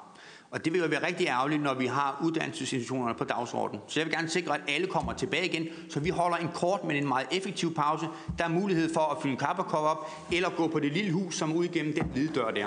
Vi ses igen om 7,5 minutter. Hvad ville det betyde, hvis det blev stoppet? Øh, det er jo to sider af samme sag. Helt konkret så betyder det, at vi har omprioriteringsbidraget i gymnasiet lige i øjeblikket, mindre tid til den enkelte elev. Det betyder, at vi ikke kan vejlede eleverne så godt, som vi har kunnet før. Det betyder, at vi ikke kan hjælpe dem, der har det største behov for at blive hjulpet så godt, som vi har kunnet. Vi ved alle sammen, at det, der for alvor rykker noget hos et ungt menneske, det er, når man møder en lærer, som får en til at forstå nogle ting, og får en til at se sig selv på en ny måde, giver en inspiration til, hvad man skal. Når lærerne har 150 elever eller flere, så bliver det møde rigtig, rigtig svært. Og helt konkret at det, vi har gjort, når vi sparer på uddannelse, det er, at vi har givet lærerne flere hold, flere elever. Så det her kommer til at betyde på længere sigt et større frafald, og problemet er størst øh, på de skoler, som er udfordret både på demografi og besparelser. Så hvad vil stop betyde? Ja, det vil jo så betyde, at nu ved vi, hvad vi har. Nu er det det her, vi kan indrette os efter. Vi har allerede måttet skrue ned på, på øh, øh, kvaliteten, øh, på, på det niveau, vi har leveret indtil nu. Men herfra kan vi så agere og, og prøve at tilpasse os. Øh, det vil give en, en øh, kæmpe stor ro. Og øh, som det ser ud lige nu, så tror jeg, at skolerne ville kunne overleve, hvis vi fik et stop for øh, omprioriteringsbidraget allerede fra 19. Så spørger Annette, øh, nej, der var også spørgsmålet om med taxameteret, øh, skal, vi, øh, skal vi gøre det på en anden måde? Øh, og jeg vil heller ikke lægge mig fast på nuværende tidspunkt på en bestemt model. Vi ved, at vi skal have kigget på taxameteret under alle omstændigheder. Vi er i gang med et analysearbejde i danske gymnasier for at se på, hvad vil en, øh, de forskellige modeller, der tales om i øjeblikket, hvad vil de betyde? Det vi i hvert fald kan se, det er, at der skal gives nogle flere penge til de mindste gymnasier, som er mest udfordret i øjeblikket. Om det er klogest at lægge om i hele øh, taxameterstrukturen, eller om man kan klare det ved en mindre nedskrivning på nogle af de større gymnasiers øh, takster, som Annette er lidt inde på med knæktaxameteret, og så lade det blive overført til et større grundtilskud, som, som Kurt kunne have brug for. Det vil vi ikke lægge os fast på endnu, men vi er indstillet på at tage den diskussion. Det synes vi er helt reelt. Og så er spørgsmålet om, om elevfordeling, som er jo er en anden måde at tale om økonomi på, i og med at eleverne kommer med hver sin, øh, sit lille taxameter. Der er ingen tvivl om, at vi ikke kan understrege nok, at, at hvis vi skal sikre eleverne, eller sikre overlevelsen af skoler ude på landet, så skal der være en styring af elevfordelingen. Og den styring af elevfordelingen hænger sammen med den kapacitet, skolerne får lov til at øh, melde ud. Det betyder, at der skal være en instans, som begrænser store skolers lyst til at vokse, også selvom de kunne tage flere elever ind, end, øh, end de har øh, inde i byerne. Sådan så der må gerne lægges et loft på kapaciteten inde i byerne. Ellers så udhuler man muligheden for, at øh, landdistrikterne får øh, skoler. Hvis skolerne inde i Aalborg øh, udvider deres kapacitet, så er der ikke elever til Fjerritslev. Hvis skolerne i Odense udvider, så er der ikke elever til Nordfyn, osv. Så vi, det der med at lægge et, et låg på kapaciteten, det er et redskab, som vi mener, man skal bringe i anvendelse i den øh, øh, anledning, og vi, vi mener, der skal være en øh, instans over fordelingsudvalget, hvor rektorerne sidder sammen og skal fordele eleverne, som sikrer, at hvis man ikke kan blive enige i fordelingsudvalget, så er der nogen, der skal træde i karakter. Vi kan fint bruge regionerne et stykke af vejen. Vi har også brug for, at der er en sikkerhed for, at undervisningsministeriet i sidste ende går ind og gør det.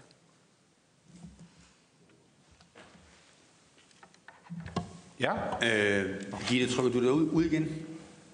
Ellers så kan kameraerne ikke finde ud af det nemlig. Værsgo, Ole. Hej. Tak, tak. Øh, jeg vil også gerne starte med omprioriteringsbidraget. Hvad det er, det betyder for kerneydelsen. Jamen, det har faktisk øh, tre effekter, når vi snakker erhvervsskoler og erhvervsgymnasier. Det er for det første er det kerneydelsen, som du er inde på. Det er læreren. Jeg har områder, hvor jeg før havde 10 øh, lærere til, til 100 elever i snit. Nu har jeg syv lærere. Det vil sige, hvis du står ude ved den, øh, i tømmerværkstedet ved den, ved den farlige maskine, så er der altså kun en halv lærer på derude, og så er der en, der står derinde ved tavlen, fordi nu, nu skal du stå med eleverne derud. Så det er simpelthen en måde, at læringen simpelthen bliver forringet på, kan man sige. Så det er den ene del.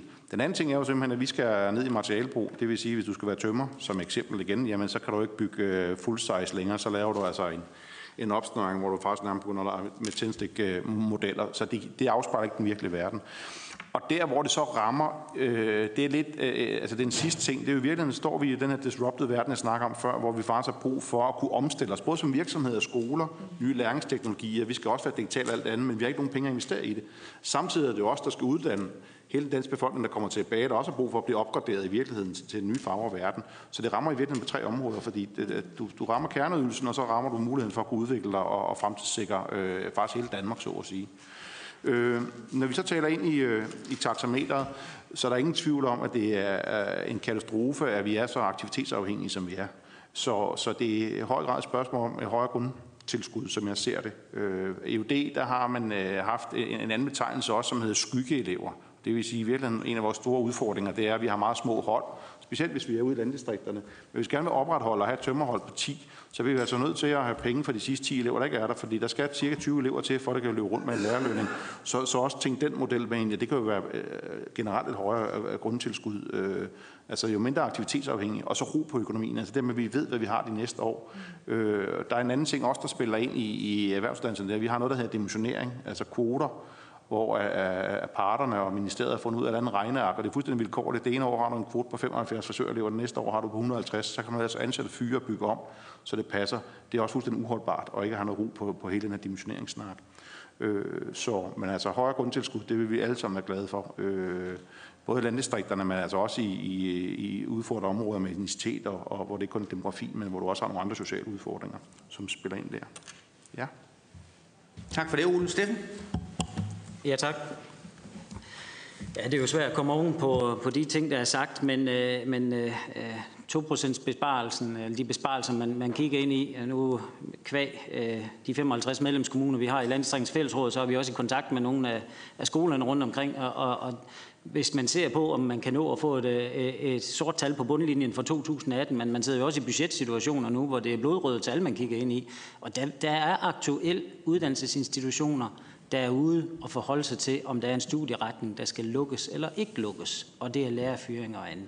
Så man kan faktisk stå ind i, at der er nogle uddannelses, øh, eller nogle steder, hvor, hvor, hvor uddannelsestilbuddet bliver indsnævret.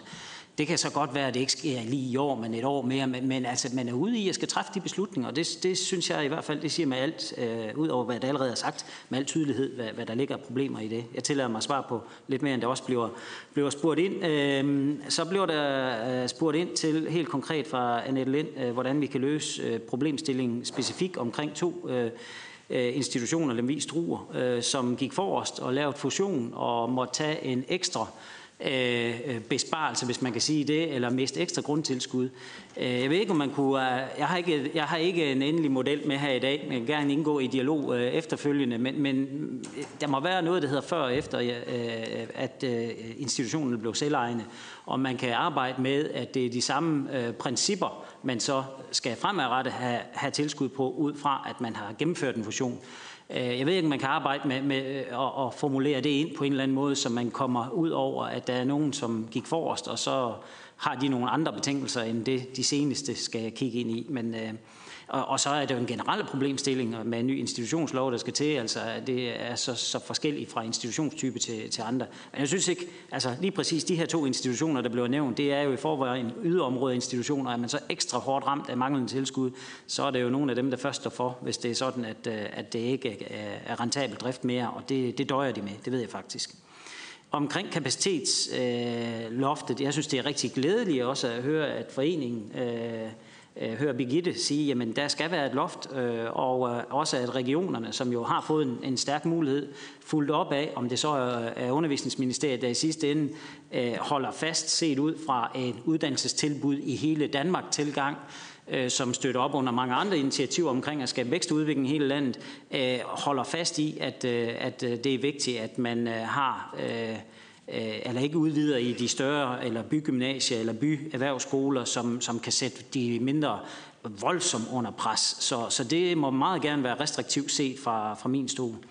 Så øh, det, øh, det, det, det, og, og det sidste her med kapacitetsloft, en ting er, at man kæmper mod øh, vigende elevtal, fordi der generelt øh, i nogle områder, vi så det blodrøde kort, er færre unge, men skal man så også til at miste til, til naboskolen, øh, jamen så er, det jo, så er det jo helt galt. Det er jo kritisk med de sidste elever. Det tror jeg, der var nogle af de ting, der var øh, målrettet. Øh, altså større grundtilskud, øh, det vil altså løse øh, en del af de her problemstillinger, og så afskaffelse af omprioriteringsbidraget. Så vil jeg lige som tillæg sige, det her med tilskud, det er jo en lovgivning, der er bygget på og bygget på. Så når man går ind og kigger i, hvordan så er der basisgrundtilskud, der er en uddannelsestype øh, tilskud til første, uddannelsestype tilskud til nummer to eller flere, geografisk grundtilskud, udkantstilskud. Det er bare for at sige, der er en række forskellige parametre og håndtag, man kan hive i. Jeg har ikke en færdig model med her i dag, men det er jo nogle af de her øh, parametre, man kan hive i, i forhold til, hvordan sikrer man så en større grundtilskud på nogle parametre, som også giver større øh, sikkerhed for de øh, institutioner, der er i yderområderne. Så det, det er selvfølgelig de rigtige steder, man skal have fat i. Tak. Ja, tak. Der er lige to små korte bemærkninger, og den første, der markerede, det var faktisk Ole Heinacker, og så kommer du på efterfølgende Ip. Værsgo, Ole. Det var til Annette. Jeg vil bare kvittere for, at jeres holdning til EUD-udspillet er, at hvis det er nye opgaver, skal der også nye penge til. Fordi som det ser ud lige nu, bliver vi fodret med vores egen hale, og så skal vi lave noget andet og noget mere, samtidig med, at vi stadig bliver besparet. Men vi har stor lid til, at I finder ud af en, en løsning både på økonomien, og så også for et, et, et bredt forlig på alle de gode initiativer, der ligger i det. Så det var bare for at kvittere for det. Tak for det, Ole. Værsgo, Ip. Ja, det eneste, jeg gerne vil tilføje, det, det er infrastrukturen, de stadige trusler, der er hver eneste år i vores område, om enten at nedlægge busruter eller reducere afgangene. Og det er ødelæggende for eleverne. Tak for det, og det tager vi også med som udvalg. Nå, det var første runde. Nu kender vi, hvordan tingene de kommer til at foregå. Nu sætter vi speederen øh, lidt i bund her, fordi vi har en tidsgrænse, der ånder os lidt tungt i natten. Værsgo, Lea. Kort, klart og præcist. Værsgo. Som altid.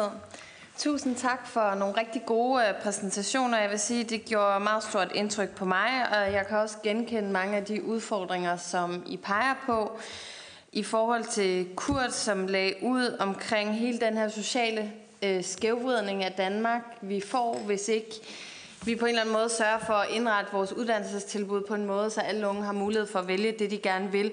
Men i forlængelse af det jo også, at der er nogle unge, som måske slet ikke får en uddannelse. Fordi, som det bliver sagt, jamen, hvis uddannelsestilbudene bliver færre, Øh, hvis nogle af dem lukker, hvis den geografiske afstand bliver længere, jamen så en ting er, hvordan er fordelingen på gymnasier og erhvervsuddannelser, men der er jo også den gruppe unge, som jeg kender, også fra Bornholm, som så ikke nødvendigvis øh, får en uddannelse. Og det kunne jeg godt tænke mig at, at spørge lidt ind til, Øh, fordi Ip, du talte meget om den her løfteevne, og det er jo fantastisk, det kan vi jo godt bryste os af i forhold til, til yderområderne, at øh, Vestjylland, hvor Annette kommer fra, og Vordingborg og Bornholm og andre steder, er jo faktisk nogle af de uddannelsesinstitutioner, som netop har formået at have den her løfteevne. Og det er så vitalt og så vigtigt for, at man ikke får den geografiske øh, uddannelsesskævhed i Danmark. Så mit spørgsmål går øh, til jer på, hvilken betydning har øh, de årlige nedskæringer, altså omprioriterings, omprioriteringsbidraget, i forhold til den løfteevne? Fordi det er faktisk den, jeg er meget bekymret for, i forhold til, at vi får de svageste unge med. Øh, og også perspektivet for, at der er nogle unge, som vi slet ikke fanger. Øh, det kunne jeg godt tænke mig, hvis I vil komme ind på. Tak for det. Ja, tak. Øh, tak for et øh, godt spørgsmål, Lea. Vi skal skære tingene lidt mere til, lidt hurtigere. Den næste, det er Magnus. Værsgo, Magnus. Tak for det, formand, og øh, mange tak til panelet, øh, og tak til for, for at have kommet den lange vej til os, Så må vi skylde. Vi er jo Folketingets landdistriktsudvalg, så hvis I inviterer, så synes jeg da, at vi skal øh, forsøge at genbesøge og, øh, og tage, tage ud til nogle af jer, og øh, ikke mindst se jeres, virk, jeres de vilkår, I arbejder under, og også tale med elever og lærere. Det, det tror jeg vil være rigtig godt og rigtig gavnligt for os. Øh, men det kan vi jo så behandle, når vi skal evaluere vores øh, høring her selvfølgelig. Men bare et forslag herfra. Tak fordi I møder op her. Øh, og tak fordi I så ærligt siger de konsekvenser, der er. Jeg har kæmpe forståelse for, at øh, øh, ikke mindst jer to fra Morsø og fra Vordingborg, som jo kæmper for det her, og vi så jeres, jeres øh, inspirerende øh, og, og imponerende resultater. Og derfor er det også træls, når man ser, at der er risiko for, at min dør eller skal lukke. Det har jeg jo ikke lyst til, fordi så, det skaber jo en fuldkommen Øh, Øh, elendig stemning i hele lokalsamfundet, og det er jo det modsatte, som I, I er jo med til at give håb. Øh, konkret, fordi de I uddanner unge mennesker. Øh, så så, så øh, det, det er det modsatte, I vil. Men, men vi er jo også her for at få øh, sandheden og konsekvenserne af vores politik. Det er jo det, sådan set formålet er, at få konsekvenserne af den førte politik og de forskellige forslag, partierne har, så vi kender de konsekvenser. Og derfor er mit spørgsmål, det er, at øh, det omprioriteringsbidrag, som blev indført i 2015 på uddannelsesområdet, er jo planlagt at fortsætte helt frem til 2022. Og jeg øh, noterede ned her, at, at øh, nogle af jer talte om allerede næste år at gå fra 7 til 5 øh, klasse, klasser, altså det var proppe flere elever ind i, øh, øh, ind, øh, i, øh, i, i klasselokalerne, hvis der er plads til det. Øh, og en nævnte også, at øh, valgfag i fysik er noget, man, det lyder ikke som særlig eksotisk, hvis jeg sige. Det er, ikke, det er jo ikke det helt stort, altså det er ikke sådan noget, hvad hedder det, nice to have, det er jo need to have, hvis man går ind og skærer valgfag i fysik væk. Øhm, hvis, og det er så kun næste år, men hvis man ser helt frem til 2022, det er jo det, vi må lægge til grund, at det står i regeringens finanslovsudspil, så det er jo det, regeringen har som politik. Øh, vi, øh, hvis man lægger det til grund, at det bliver vedtaget, at man altså har omkostningsbidraget frem til, helt frem til 2022. Det er så 2 procent hver eneste år fra 15 og helt frem til to nye procent hvert år. Altså en høvl, der skærer ned og skærer ned og skærer ned. Øh, hvad er vi inde i så at røre ved? Hvad, hvad er det? Øh, der blev nævnt det her med fysik, det, der hørte jeg rigtig, kan forstå. Er der andre ting, hvor I siger, det er så alvorligt, det er? Ja tak. Carsten Kismeier, vil du ikke prøve på at gøre det noget kortere end dine to kollegaer? Tak. Jeg har i anden sammenhæng lyttet til jeres indlæg. Jeg vil gætte på, at det har været de, stort set de samme. Men mit helt konkrete spørgsmål, det går sådan set på, at de to foreningsformænd, I laver hvert år nogle øh, statistikker øh, eller oversigt over, hvordan økonomien er gået i de enkelte institutioner. Og jeg kunne godt tænke mig at vide, hvordan ser den øverste øh, fjerdedel af institutionernes økonomi ud? Øh, er det sådan, at vi på nogle af institutionerne genererer nogle relativt store overskud, og på de små institutioner genererer øh, en rigtig dårlig økonomi? Det var det ene spørgsmål. Det andet spørgsmål er, hvordan ser egenkapitalerne ud, og hvordan ser øh, gældsætningen ud på institutionsområdet? Kan I give bare et, sådan et lille billede af det? Jeg har på fornemmelsen, at der faktisk er foregået meget store investeringer i de seneste år, øh, hvor en del af dem formentlig er øh, finansieret ved kreditforeningslåntagning. Ja, tak for det. Og så har jeg faktisk en tilbage på talerlisten. Jeg synes, vi skal tage Annette med os her. Så har vi fire forhold os til. Værsgo, Annette. Tak for det. Øh, I Socialdemokratiet der synes vi, at vi skal have et fint maskenet af uddannelsestilbud over hele landet. Det er vigtigt, at vi har nogen i alle dele af landet, også med et ordentligt udbud, sådan at, øh, at uanset hvor man bor, så skal man kunne tage sig en ungdomsuddannelse med både studieretninger og også muligheder for alle mulige slags øh, erhvervsuddannelser. Da vi lavede FGU'en, der lavede vi et afstandskriterium øh, i forhold til, hvor langt en elev må have til et FGU-tilbud. Det har vi ikke på, på jeres områder. Skal vi indføre et afstandskriterie her fra Christiansborgs side? Øh, skal det gå på kilometer, eller skal det gå på offentlig transporttid? Nu snakkede IB om, at man nedlader busruter og så videre. Men skal vi lave et afgangs, øh, afstandskriterie for de her elever? Ja, tak. Øh, og så starter vi fra den anden ende, næsten. Vi starter med Ole Heinacker, fordi jeg har lovet dig, at du måtte gå kl. 14. Så du får lov til at starte nu. Værsgo, Ole. Ja, hvis vi lige starter med i forhold til de svage elever. Der er ingen øh, tvivl om, at dem, der er først ramt, det er de svage elever, fordi det er dem, der oftest har brug for øh, lærerstyret undervisning, hvorimod dem, der er stærke og ressourcestærke, de er meget lettere ved at arbejde sammen i hold og i grupper osv. Så, videre. så rent ud fra, fra et pædagogisk synspunkt, så er det altid de svage, der falder for, øh, når vi sparer på, på lærerkræfterne. Så, så, så den er meget entydig. Så vil jeg sige, i forhold til, øh, til gældsætning og så videre, jeg har ikke lige tallene her. Jeg ved i hvert fald bare, at stort set hovedparten af erhvervsskolerne i øjeblikket kører med, hvis der overhovedet er nogen, så er det negative overskudsgrader. Men de tal kan vi jo finde frem til. Og så er der jo lidt den der med, øh, og nu kan jeg tale ud fra min egen praksis, jeg har prøvet at tilpasse, fordi jeg skulle have været, hvis jeg fremskrev mine elever øh, efter hvad hedder det, reformen, så, så har jeg mistet cirka 25 procent af mine elever. Så i øjeblikket prøver jeg at komme af med tre bygninger. Men de er så underlagt kommunale forhold, og der er øh, lokalplaner, der siger, at det er udlagt til undervisning. Så det kan godt være, at jeg har nogle papirpenge, men når jeg så skal sælge dem, så får jeg cirka en, en, en 8. del af papirpengene, for hvem vil købe en eller anden gammel øh, erhvervsskole, der er bygget i, i 60'erne, og nogle af dem før. Så, så noget af det, at det, der står, er papirpenge også, og det er vigtigt at tage med de her. Og så er det jo selvfølgelig med, den daglige drift, det er jo den, der skal hænge sammen også, kan man sige. Øh, så, så, så der er ikke så store overskud, som, som der har været. Så det, den tror jeg, vi, vi skal have lagt ud i hvert fald. Så i forhold til afstand, der er ingen tvivl om, at geografisk nærhed, det betyder noget. Men hvis man vælger at lave et, et nærhedsprincip, så skal der jo i hvert fald så følge det grundtilskud med. Så hvis man kun har tre elever derude, så får man penge for at have 20 elever, fordi ellers kan det ikke hænge sammen, hvis, hvis, hvis, hvis man fik et eller andet pålæg om at, at lave et udbud. Øh, men generelt, når man ser på landet, så tror jeg, når man skal se på også, at det, det, det er rejsetiden. Fordi nogle gange kan det jo tage en time at krydse København, selvom kun er 5 km, hvorimod du kan køre 5 øh, km på, på et kvarter på en cykel. Så, så, så, så, så det er vigtigt, at når man tager det der med, at man tager rejsetiden, tror jeg, fra kilometerne. Ja tak. Og Ole, hvis du trykker dig ud. Yep. Steffen, og derefter Birgitte. Værsgo, Steffen. Jamen, jeg synes, øh, hvis jeg skal tage sidst først med, med Annette med afstandskriterier, øh, det synes jeg, der kunne være interessant at arbejde videre i den retning. Øh, der kan jo være mange elementer, som vi netop hører, der, der, der skal indarbejdes i det.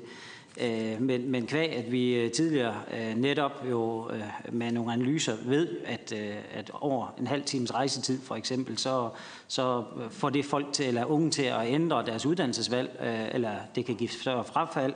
Øh, så, så der er helt sikkert noget, øh, som kunne indarbejdes også øh, i en eller anden form for økonomisk model, øh, som, som der blev sagt.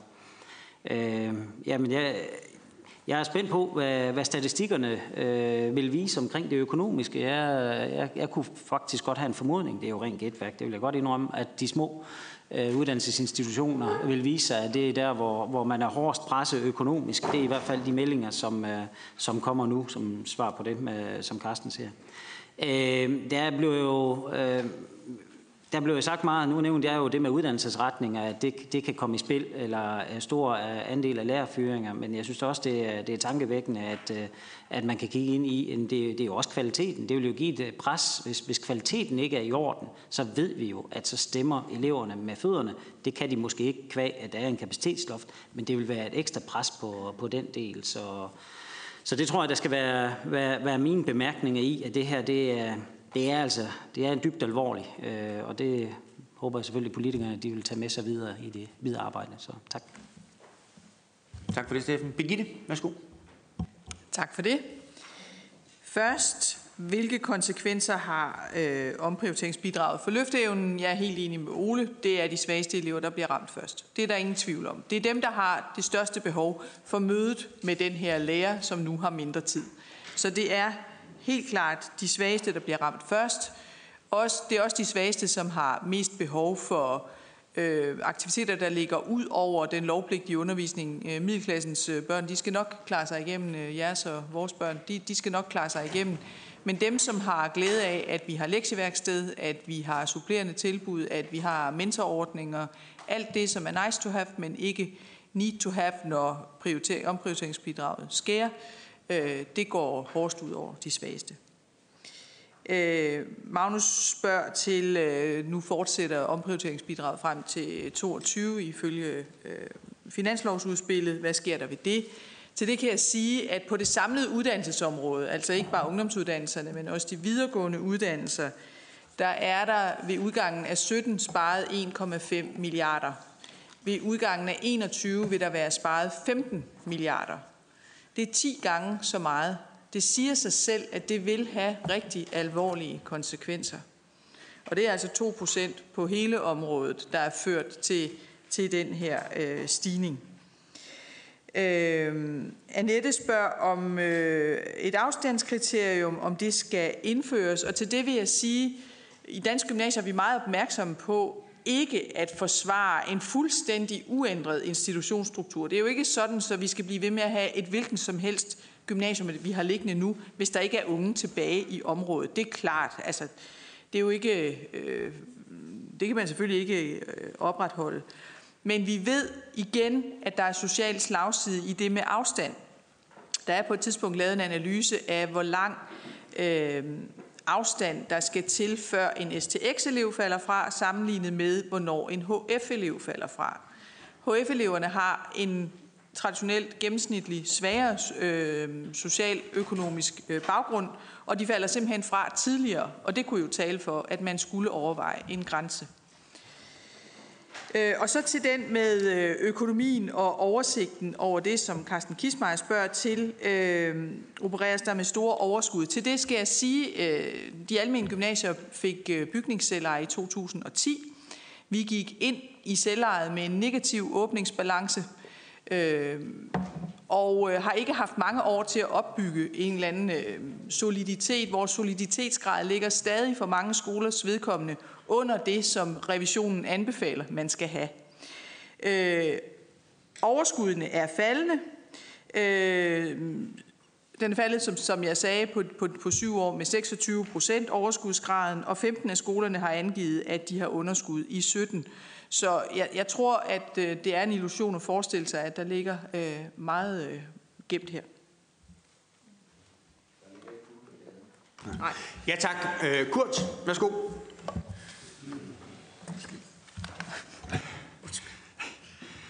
Ja, men jeg, altså det med løfteevnen, der kan jeg jo sige det samme. Altså det, er, det er jo det, det drejer sig om. Og en ting mere, der også, som også I var inde på øh, dengang, det er jo, at vi samlæser jo også øh, forskellige niveauer for at få økonomien til at hænge sammen. Og det går jo også ud over de svageste. Det skal de gode elever nok klare. Og, og øh, hvis omprioriteringsbidrag fortsætter til 2022, men det kan, jeg, det kan jeg simpelthen ikke forestille mig. Altså, det, desværre øh, kan jeg ikke forestille mig det. Jeg, jeg, jeg, jeg tror, jeg vil have utroligt svært ved at, at køre Mors Gymnasium med det. det. Det er jo også derfor, vi ligesom råbte meget højt op. Nu, nu er det ved at være kritisk.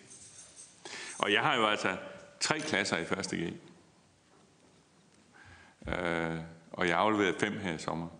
Så det er, det er også en, en, en, en drastisk øh, nedgang, det gør. Det, det, det, det koster altså også øh, på øh, måden at, at, at føre skole på, og det gør det altså dyrere. Og vi har skåret en ned i ledelsen og alt. Altså, jeg tror, vi har skåret det, man kan. Øhm, egenkapitalen, ja, altså den har vi jo, som Birgitte sagde, måtte opbygge. Øh, vi fik jo 14 millioner ekstra i tilskud på grund af overgangsordningen, fordi at amterne jo sørgede for, at vi havde en god ordning. Øh, det øh, har vi af de penge er de 5,8 millioner gået til at, at have en egenkapital. Så det er vores egenkapital i øjeblikket. Og øh, et underskud bliver hurtigt på 1 til 1,5 million, så kan man jo selv høre, se, det bliver, det går stærkt. Ikke? Afstandskriterier har jeg ikke, altså det er klart, øh, det jeg sagde, det er vigtigt for vores område, at der ikke bliver for langt.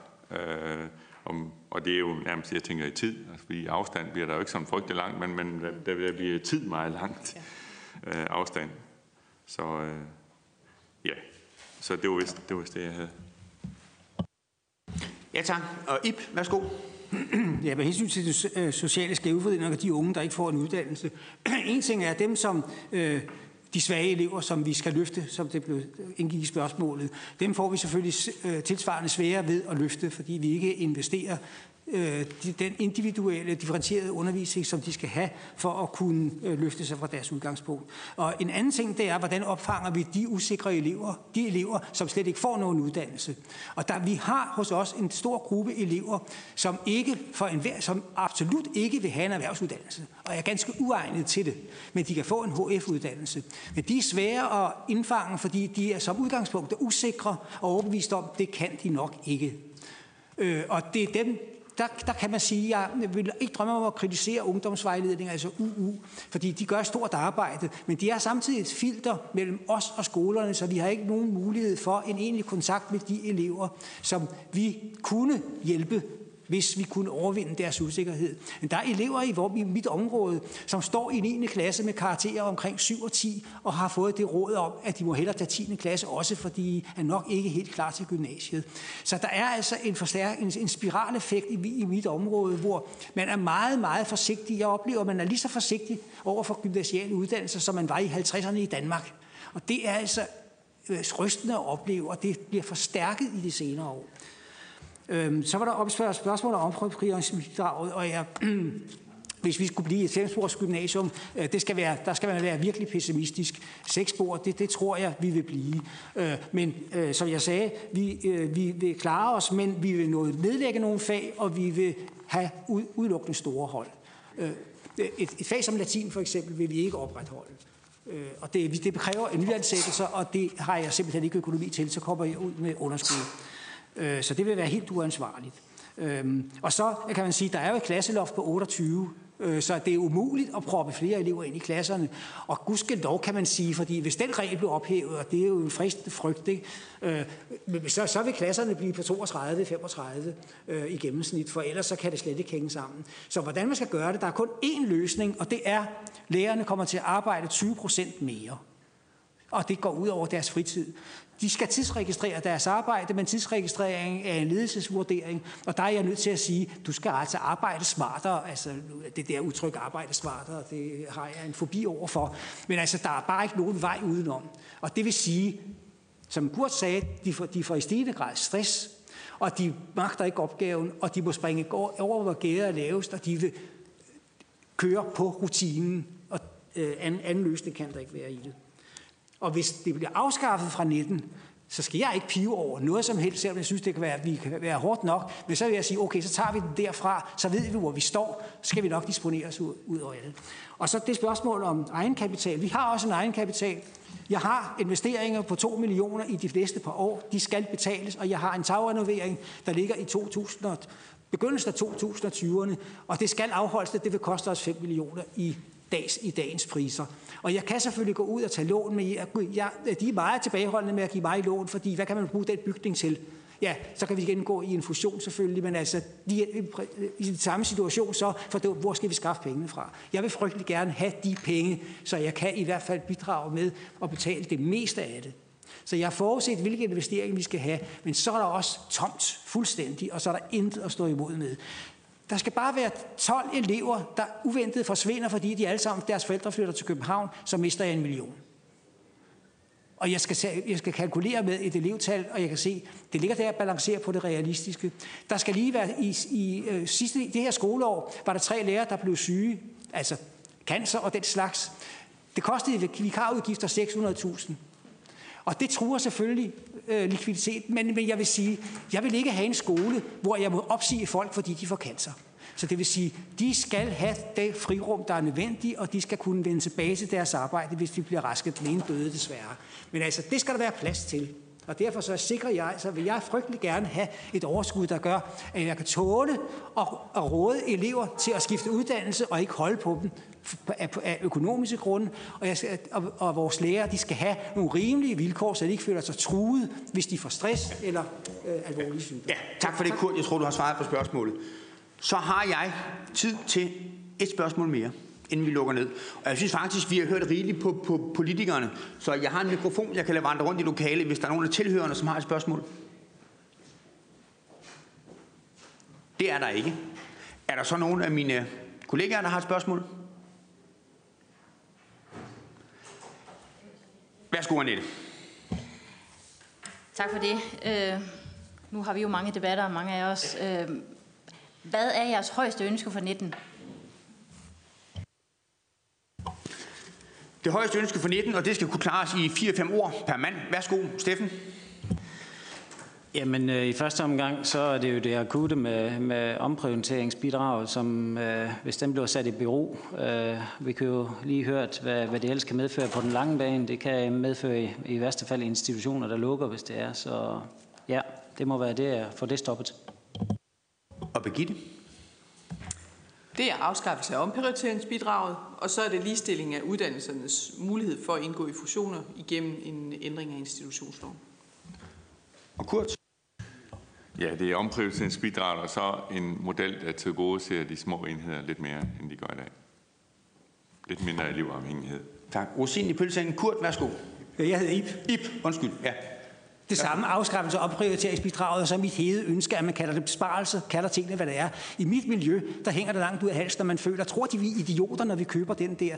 Besparelse hedder tilpasning, eller det hedder at arbejde smartere, eller det hedder omprioriteringsbidrag. Kald det beskæringer, det er det, der er. Og så med hensyn til, glemte jeg at sige det, afstandskriteriet. Jeg har elever, der er 40 km til, til, til skole, og vi er det nærmeste gymnasium, så jeg skal ikke have noget afstandskriterium. Jeg er også den eneste i mit område, ikke?